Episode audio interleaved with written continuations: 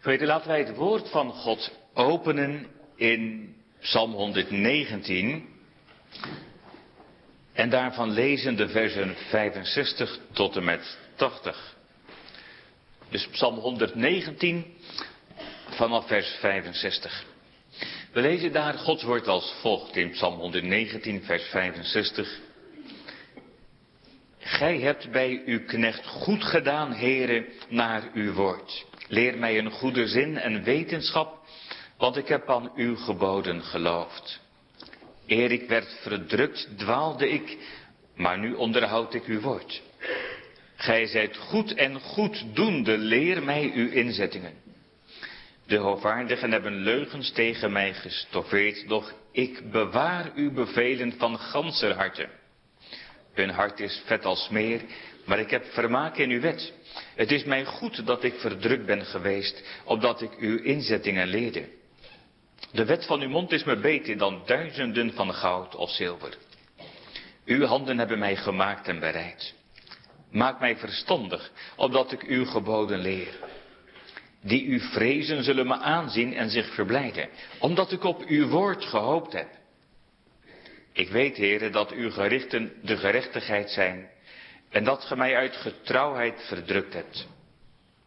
Laat toch uw goedertierenheid zijn om mij te troosten naar uw toezegging aan uw knecht. Laat mij uw barmhartigheden overkomen, opdat ik leef, want uw wet is al mijn vermaking. Laat de hoogvaardigen beschaamd worden, omdat ze mij met leugen nedergestoten hebben. Doch ik betracht uw geboden. Laat hen tot mij keren die u vrezen en die uw getuigenissen kennen.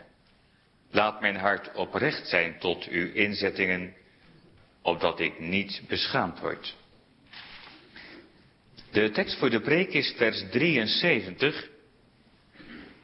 En laten wij die woorden nog maar een keer lezen. Uw handen hebben mij gemaakt en bereid. Maak mij verstandig, opdat ik uw geboden leer. Daar gaat het over in de preek. En dan gaat het over het thema onze schepper en zijn doel met ons. Dus onze schepper en ook zijn doel met ons leven. Onze schepper en zijn doel met ons, daar gaat het over in de preek. En dan vanuit dat 73ste vers van Psalm 119. Gemeente, als je naar een schilderij of naar andere kunst kijkt, dan is het belangrijk dat je let op de bedoeling van zo'n kunstenaar. En ik had bij de voorbereiding van de preek al een mooi voorbeeld in gedachten. Dat schilderij van Rembrandt, van die verloren zoon. Het was een mooi hoe Kees van der Staaij dat voorbeeld zomaar in de Tweede Kamer oppakte. En daarvoor heel meekijkend en luisterend Nederland iets van die bijbelse noties in de Tweede Kamer wist te vertolken. Maar als je zo'n schilderij bekijkt, en misschien kent u het ook wel, u kunt het anders ook wel eens opzoeken, van die terugkomst van de verloren zoon, dan zie je meer dan alleen maar een beetje verf die op dat doek gekwakt is. Dan schildert Rembrandt het moment dat die weggelopen jongen weer thuis komt bij zijn vader. En heel bewust laat hij alle aandacht vallen op die vader vol barmhartigheid. Die zijn weggelopen zoon in de armen sluit en als een hart drukt. En wie niet op die bedoeling let, gaat voorbij aan de bedoeling van de kunstenaar. Nu gaat het in de tekst voor de preek ook over een kunstenaar. Of beter over de schepper van hemel en van aarde. Er wordt voor hem ook wel eens dat woord kunstenaar gebruikt in de Bijbel. Maar wat heeft hij dan gemaakt? Nou, lees maar mee. De dichter beleidt, uw handen hebben mij gemaakt en bereid. Ja, dus ook jou en u en mij.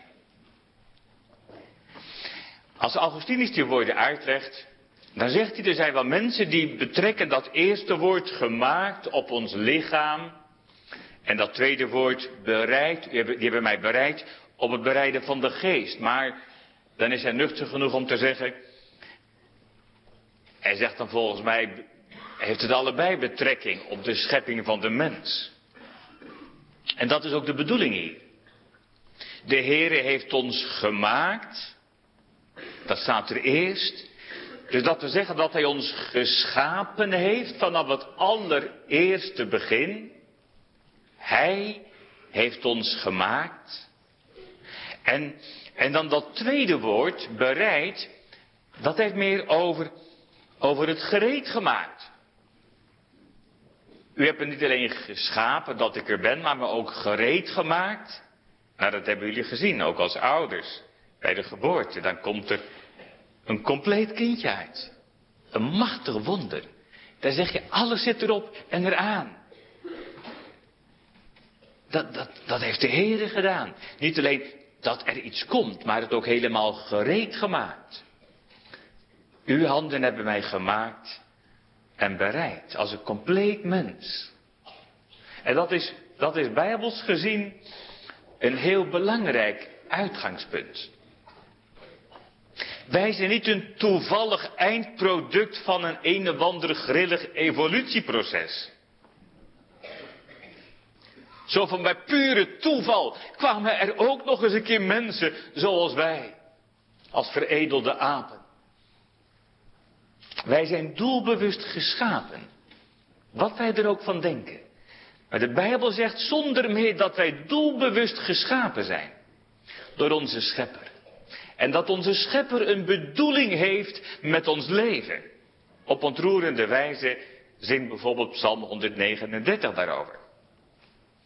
Ik loof u, omdat ik op ontzagwekkend wijze wonderbaarlijk gemaakt ben. En dan komt ook dat beeld van dat borduurwerk, als een borduurwerk gevrocht gemaakt.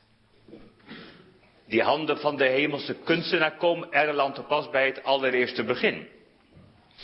U kent uw woorden al, denk ik, van Psalm 139 over die ongevormde klomp, dat kleine klompje cellen. In het allereerste begin. Uw handen hebben mij gemaakt. Zelfs die allereerste dagen dat je als moeder nog niet eens wist. Dat je in verwachting was. En dat vader het nog helemaal niet vermoedde. Weer vader te worden. Dat staan van een tweeling, als hij zelfs twee kinderen mocht krijgen. En eigenlijk gaat Psalm 139 nog verder terug. Eer iets van mij begon te leven, was alles in uw boek geschreven. En daarin vinden wij een geweldige troost. Je kunt wel eens stoppen met jezelf. Of hebt u daar nooit last van, dat je stopt met jezelf? Je kunt ook wel eens neerslachtig zijn. Zelfs wel eens depressief. Dat je wel eens denkt, wat doe ik eigenlijk in deze wereld? En welke jongere of oudere heeft, heeft daar nooit last van, van, van die gevoelens van minderwaardigheid? Of dat je denkt, wie ziet me eigenlijk? Wat doe ik hier op aarde? Denk dan aan deze tekst. Denk aan je schepper.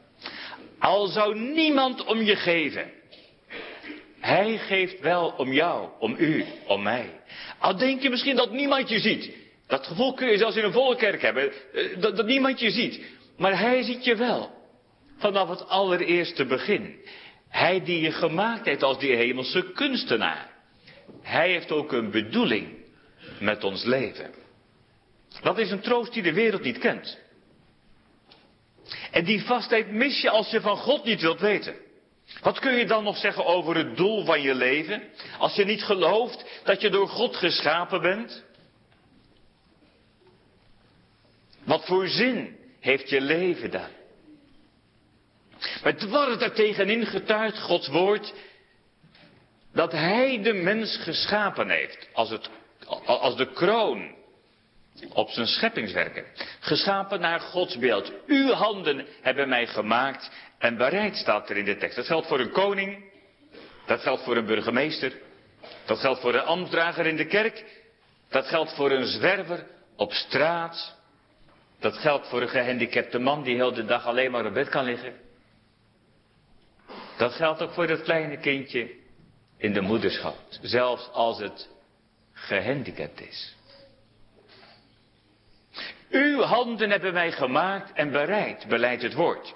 Waarom erkent de wereld dat dan niet? Als je het heel veel mensen zou vragen in Nederland, dan zegt nou, dat, dat, dat zegt me niks.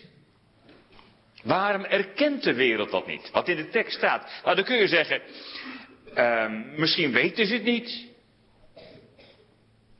In onze tijd zijn er steeds meer mensen van wie dat ook echt wel geldt, dat ze het echt niet weten.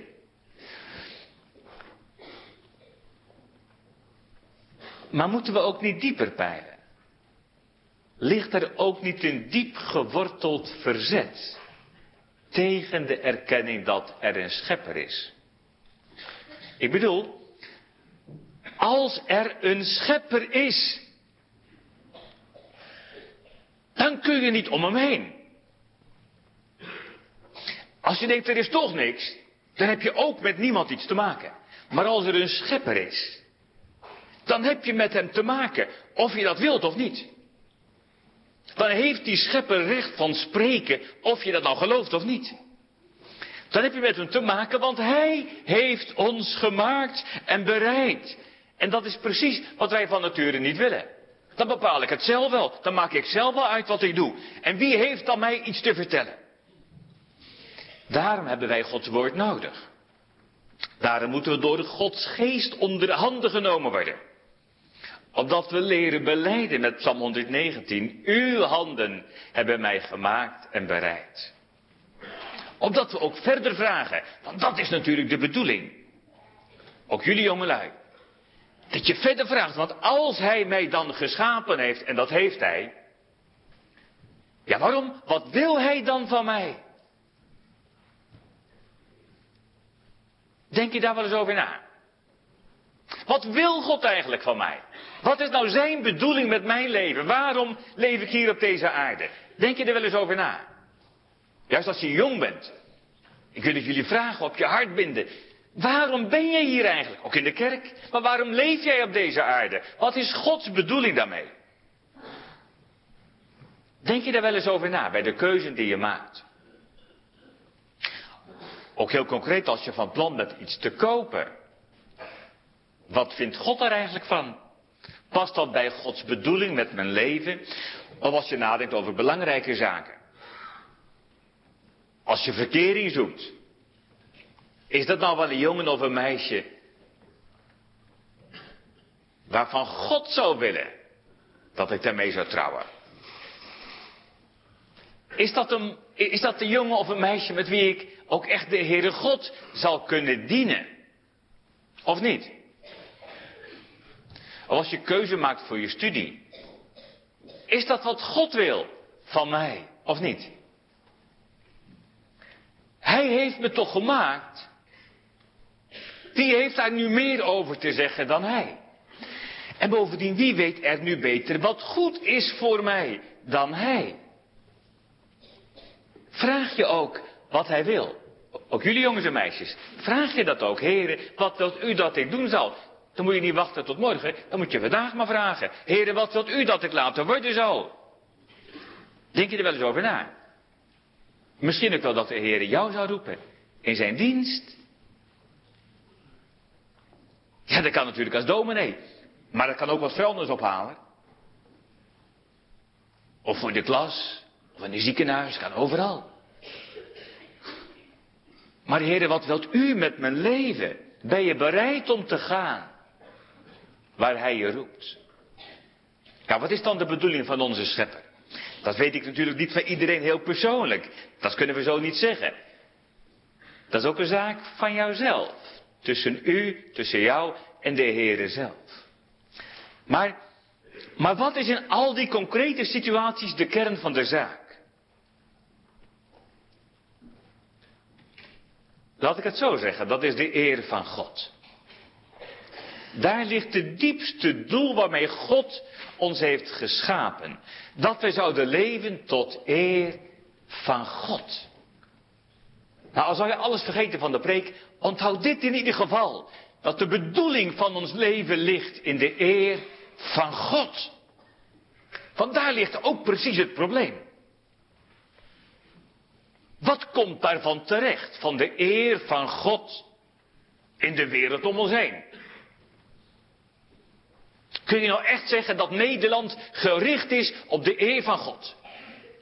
Bij de algemene beschouwing afgelopen week en de troonrede, nou gelukkig komt die zegenwens er nog in voor. Gelukkig maar.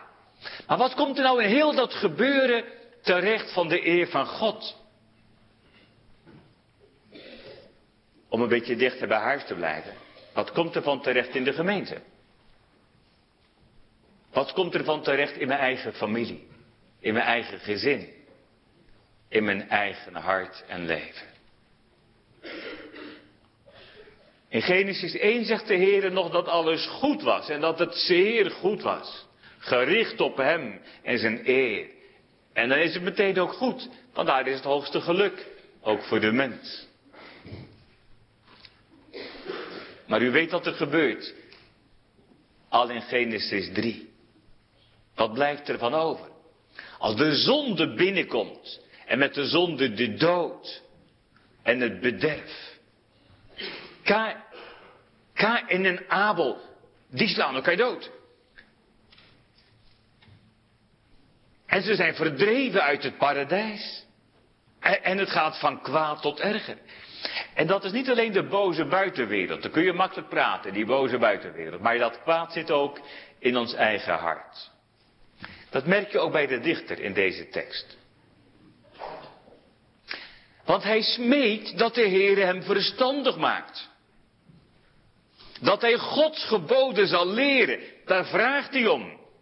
Maar wanneer vraag je erom? Dat doe je alleen maar als het je niet lukt, toch? De engelen hoeven dat niet te vragen. Die doen dat zo wel.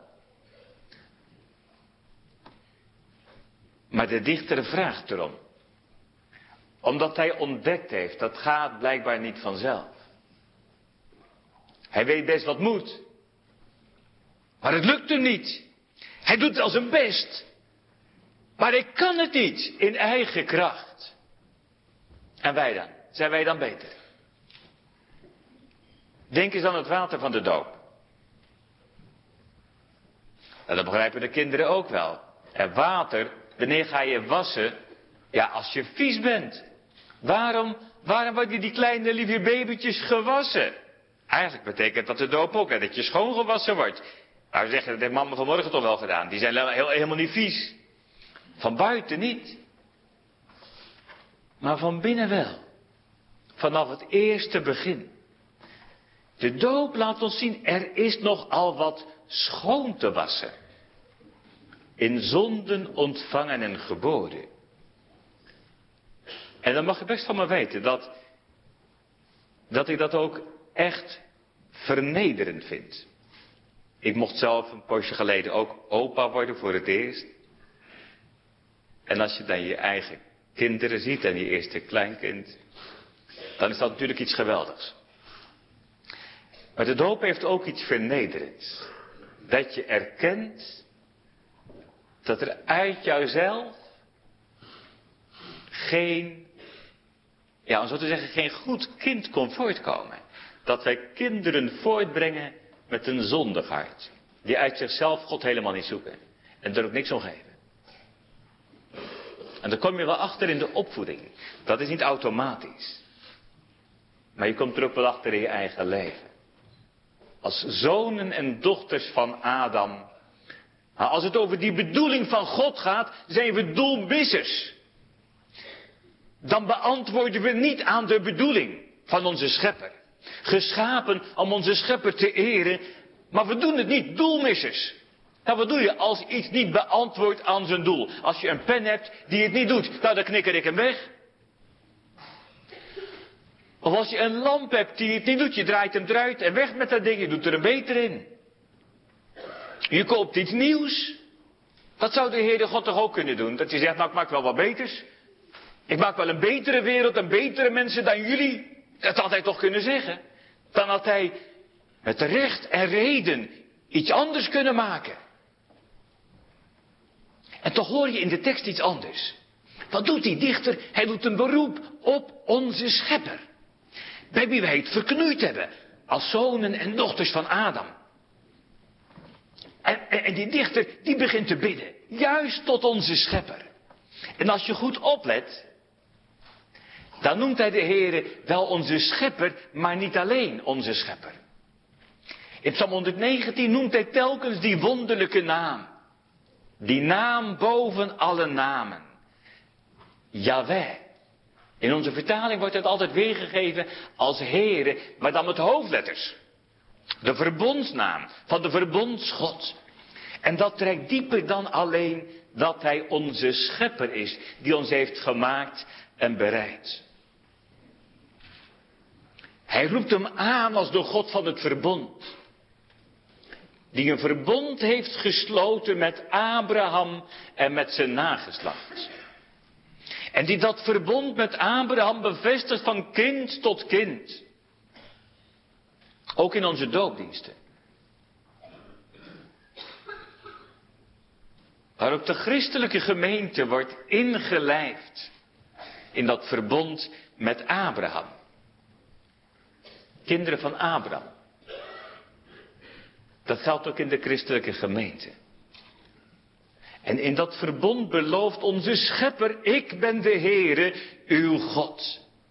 En daarom maakt hij een nieuw begin met mensen die er niets van verdienen, juist met die zonen en die dochters van Adam. En in dat verbond laat, laat onze schepper ons weten dat hij er niet op uit is om ons te verwerpen, maar om ons te redden en te bekeren. Net als die vader van die verloren zoon. Dat hij uitziet. Ook naar de terugkomst van jou. En van u. En van mij. Dat hij wil dat doelmissers tot hun doel komen. Nou zeg je, wil die dat echt dan? Wil hij dat echt? Dat ik bij hem kom? Wat moet hij nou met iemand zoals ik ben? Wat moet hij nou met mensen die niet aan het doel beantwoorden?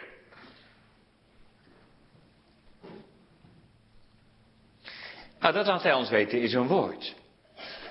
Daarom blijft dat woord zo ongelooflijk belangrijk. Want in dit woord worden doelmissers niet afgeschreven, maar aangeschreven. Je zou die Bijbel een liefdesbrief kunnen noemen van de Hemelse Vader, ook voor u en voor jou en voor mij. In dit woord kondigt de Hemelse Vader de komst aan van zijn Zoon, Jezus Christus. En in zijn Zoon zoekt hij zijn gevallen schepselen op.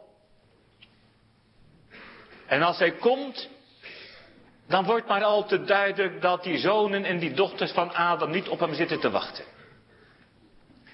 Het is niet voor niets dat het eindigt in het kruis. En tegelijk laat in dat kruis onze schepper zien wat hij werkelijk wil. Aan dat kruis laat hij het diepst in zijn hart kijken. Al zo lief heeft God de wereld. Dat is die zondige, die afgevallen wereld gehad. Dat hij zijn enige geboren zoon gegeven heeft. Opdat een ieder die in hem gelooft niet verderven. Maar het eeuwige leven hebben. Daar stierf vaders enige geborene. Voor wie? Dat was niet voor de engelen. Dat was helemaal niet nodig voor de engelen.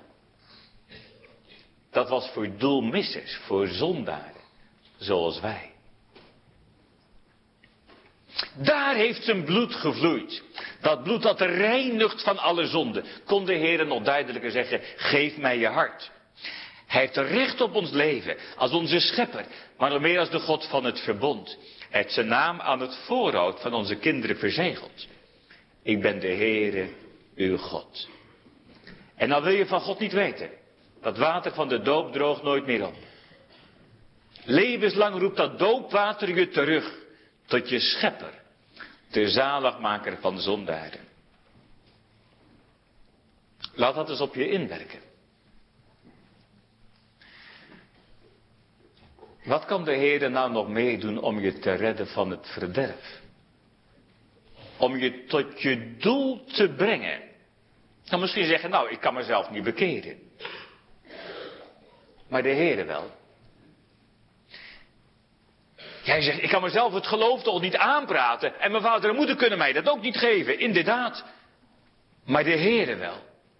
Weet je niet hoe je tot je doel kunt komen? Nou zegt de Heer, dan moet je bij mij zijn. Juist als je het niet weet en het niet hebt. Als die verloren zoon. Die zich wierp in de armen van zijn vader. Geef je over aan Christus. Vlucht naar dat kruis. Dat is de bedoeling van onze schepper. En dat hoor je terug. In de woorden van het gebed in de tekst. Hij richt zich tot onze schepper. En je hoort hem bidden. Maak mij verstandig. Ofwel geef me inzicht. Maak mij verstandig zodat ik uw geboden leer. Zo komt hij tot zijn doel.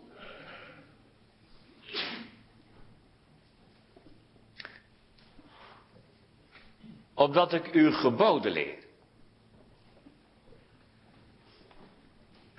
Dat heeft hier niets te maken met wetticisme. Dat heeft hier niets te maken van gebod op gebod en regel op regel. Je kunt denken aan de tien geboden. Dat is al een soort samenvatting van die, van, van die bredere geboden. Maar ook aan de samenvatting van de tien geboden. In het God liefhebben boven alles. En je naaste als jezelf. En dan begrijpt u wel dat als je bidt dat ik uw geboden leer. Wat is dat anders dan dat een doelmisser tot zijn doel komt? Als hij God leert liefhebben. Met zijn hart. Met zijn ziel. Met zijn verstand. En als je je naaste leert liefhebben. Als jezelf. Het gaat hier om de liefde tot God, om het herstel van de relatie. Als hij bidt dat hij tot zijn doel zal komen, denkt hij aan de Heer en aan zijn woord.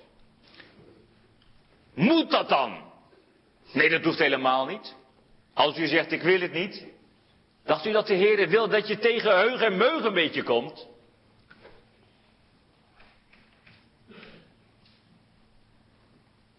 Omdat het mag. Uit liefde. En daar zorgt de Heer wel voor. Dat hij je gewillig maakt. Het is niet tegen heug en meug. Hij maakt je gewillig waar je helemaal niet wilde. Het is uit liefde, omdat Hij ons eerst heeft lief gehad. Maak mij verstandig dat ik uw geboden leer. Dat ik u leer liefhebben. En mijn naaste als mezelf. En dat gebed geeft ook richting aan de christelijke opvoeding. Maak ook mijn, maak ook mijn kinderen verstandig. Ja, natuurlijk onze kinderen ook. Die hebben dat ook nodig. Dat ze hun schepper leren kennen. Hem leren eren. Hem leren aanbidden. Hem leren liefhebben. Hem leren gehoorzamen als hun Heere en hun God. Er is iets moois met dat Hebreeuwse woord. Er staat er dat ik u geboden leer. Dat betekent in de eerste plaats dat we iets aanleren. Dat we het leren van Hem. Dus dat we onderwijs krijgen, onderwezen worden. Maar in een andere werkwoordsvorm kan datzelfde woord ook betekenen dat je onderwijs geeft. Nou, dan komen we bij de doopouders natuurlijk. Het is niet alleen dat je bidt om onderwijs te krijgen. Dat in de eerste plaats. Maar ook om wijsheid, om verstand, om onderwijs te geven. Je kunt in de opvoeding best wel een beetje handen in het haar zitten. Je denkt, wat komt er van mijn kind terecht? En dan moet ik het doen, hoe pak ik het aan? Wat is er soms moeilijk in deze tijd? En dan mag je het ook zo lezen. Maak mij verstandig om die geboden van God, die vrezen des Heren, ook te leren aan mijn kinderen. Ja, van de kleinkinderen natuurlijk, want de grootouders, die zijn er ook bij. Misschien zelfs overgrootouders. Dat ik het zelf leer, maar het ook mag doorgeven. En u hebt wel gezien, dat verbindt de dichter met verstand. Met inzicht, met wijsheid. Hij zegt blijkbaar Heb je inzicht, heb je verstand, ben je verstandig als je God zoekt. En dat bedoelt hij natuurlijk, dan ben je dwaas als je dat niet doet. Ja, dat kun je makkelijk zeggen. Maar, maar het is zaak dat we dat in de praktijk ook leren. Dat er echt niets belangrijker is dan dit. Dat ze tot hun doel komen, want het gaat over leven of dood. Maar in onze samenleving zeggen ze, je bent verstandig als je je kinderen naar een goede school stuurt. En, en hopen dat u ook echt een echt christelijke school kiest. Je bent verstandig als je kinderen, ja, misschien een muziek leren of andere, dat ze heel veel leren. En dat ze het heel verschoppen in het leven. Nou, daar mag je best voor bidden, daar mag je best naar verlangen. Dat is ook iets, dat, dat, je je talenten leert gebruiken. Daar heb je als ouders ook een belangrijke rol in, natuurlijk. Maar, maar als ouders dat allemaal hebben, dan missen ze nog het echte verstand. Als ouders er heel wat hersenen zijn, en zouden ze die hersenen goed gebruiken, zolang ze God niet kennen, missen zij het echte verstand. Geloof je dat? Dat zegt die dichter eigenlijk. Die doorziet dat haar scherp. En daarom vraagt hij niet om een goed stel hersenen, dat is natuurlijk mooi meegenomen. Maar hij vraagt om verstand van God en goddelijke zaken. Dan heb je niet genoeg aan de basisschool, of aan de middelbare school, of aan de universiteit. Dan moet je op de leerschool van de Heilige Geest zijn. Maak mij verstandig. Opdat ik de Heer Jezus leer kennen. En hem steeds meer leer kennen. Opdat mijn leven steeds meer op hem gericht wordt. Op zijn woord. Op zijn geboden. Stel je voor dat je kinderen hoogbegaafd zijn.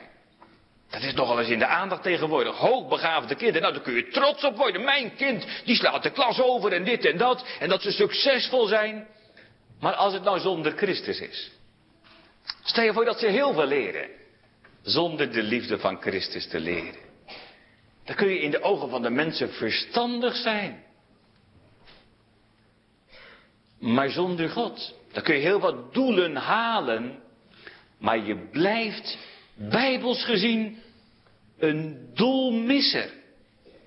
Zonder God ben je verloren. En blijf je verloren. En dat besef betekent die indringende aansporing tot het gebed. Voor jezelf, voor je kinderen, voor je kleinkinderen, maar ook voor de gemeente. Geef mij, geef hun inzicht, maak ons verstandig dat we uw geboden leren.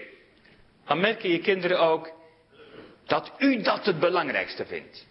Merken ze dat ook? Kinderen weten precies wat je belangrijk vindt. Dat voelen ze best wel aan merken ze ook dat u dit het belangrijkste vindt. Dat is die dichter van Psalm 119. Dat schept natuurlijk ook verplichtingen. Dat je ze trouw meeneemt naar de kerk. Ik vind het al heel fijn dat de kleine kinderen erbij zijn. Laat ze er zijn. Juist de kleine kinderen. Dat je het je leert, die regelmaat. We gaan elke zondag naar de kerk. S morgens en s avonds. Moet dat dan? Nee, omdat we dat fijn vinden. Omdat het ook voor jou is. En, de zonderschool, de, de categorisatie, het jeugdwerk. En, en, noem het allemaal maar op. Maar ook, dat je het zelf vertelt, dat je ze leert bidden. De Heer heeft daar recht op. En nog meer, Hij is het zo waard. Dat merk je in die tekst, eigenlijk ook in heel de psalm. Dat de dichter verlangt naar Hem. Uw handen hebben mij gemaakt en bereid. Maak mij verstandig dat ik uw geboden leer. Maar dan kun je zeggen, zo brengt de Heilige Geest een doelmisser tot zijn doel. Dus dan ben je er. Zo van, heb je het geleerd? Nou, dan ben je klaar. Maar u voelt wel aan, dat, dat, dat is niet de bedoeling. Want, want die dichter, die kent de Heere God wel, jazeker. Maar het staat er nog als een gebed. Die dichter heeft het niet op zak. Zo van, nou ja, ik, ik ben tot geloof gekomen en nou, nou weet ik het allemaal wel. Integendeel, hoe meer je van je schepper leert kennen en van je zaligmaker, hoe beter je beseft dat je nog maar zo weinig weet. En, en hoe meer je leert van het leven in gehoorzaamheid aan Hem, hoe meer je ontdekt hoe gebrekkig je nog bent. Je wilt het steeds meer, maar het lukt steeds minder, in zekere zin, omdat je ontdekt hoeveel er nog aan ontbreekt. Je, je ontdekt dat hij het zo waard is om gediend te worden met heel je hart. Maar wat val ik mezelf tegen? En juist dan, net als Paulus, ik, ellendig mens. Ik red het zelf niet, ik kan het helemaal niet. En des te meer heb ik hem nodig. Leert u het mij, geeft u mij dat verstand, maakt u mij verstandig. Het blijft op aarde een gebed. Een gebed dat overgaat in aanbidding. Dat is nu ook al wel. Ik dank God door Jezus Christus. Maar het blijft gebrekkig en gebroken, hunkerend naar beter. De dag dat alles tot zijn doel komt. En dan schrijf ik zijn met een hoofdletter. Die dag dat de schepper alle eer zal krijgen, samen met de zoon van zijn liefde en met de heilige geest. Want u bent het waard te ontvangen alle lof en alle eer. Want u hebt alle dingen geschapen en door uw wil bestaan ze en zijn ze geschapen. Dat is het loflied in de hemel, volgens openbaring. En als dat loflied zal klinken, zult u daarbij zijn. En zal jij daarbij zijn? Zullen je kinderen, je kleinkinderen daarbij zijn? De tekst wijst ons de weg. Heel persoonlijk voor jezelf. En ook voor alle mensen om je heen. En je mag het meezeggen, je mag het meebidden met de dichter. Uw handen hebben mij gemaakt en bereid. Maak ook mij verstandig, opdat ik uw geboden leer. Amen.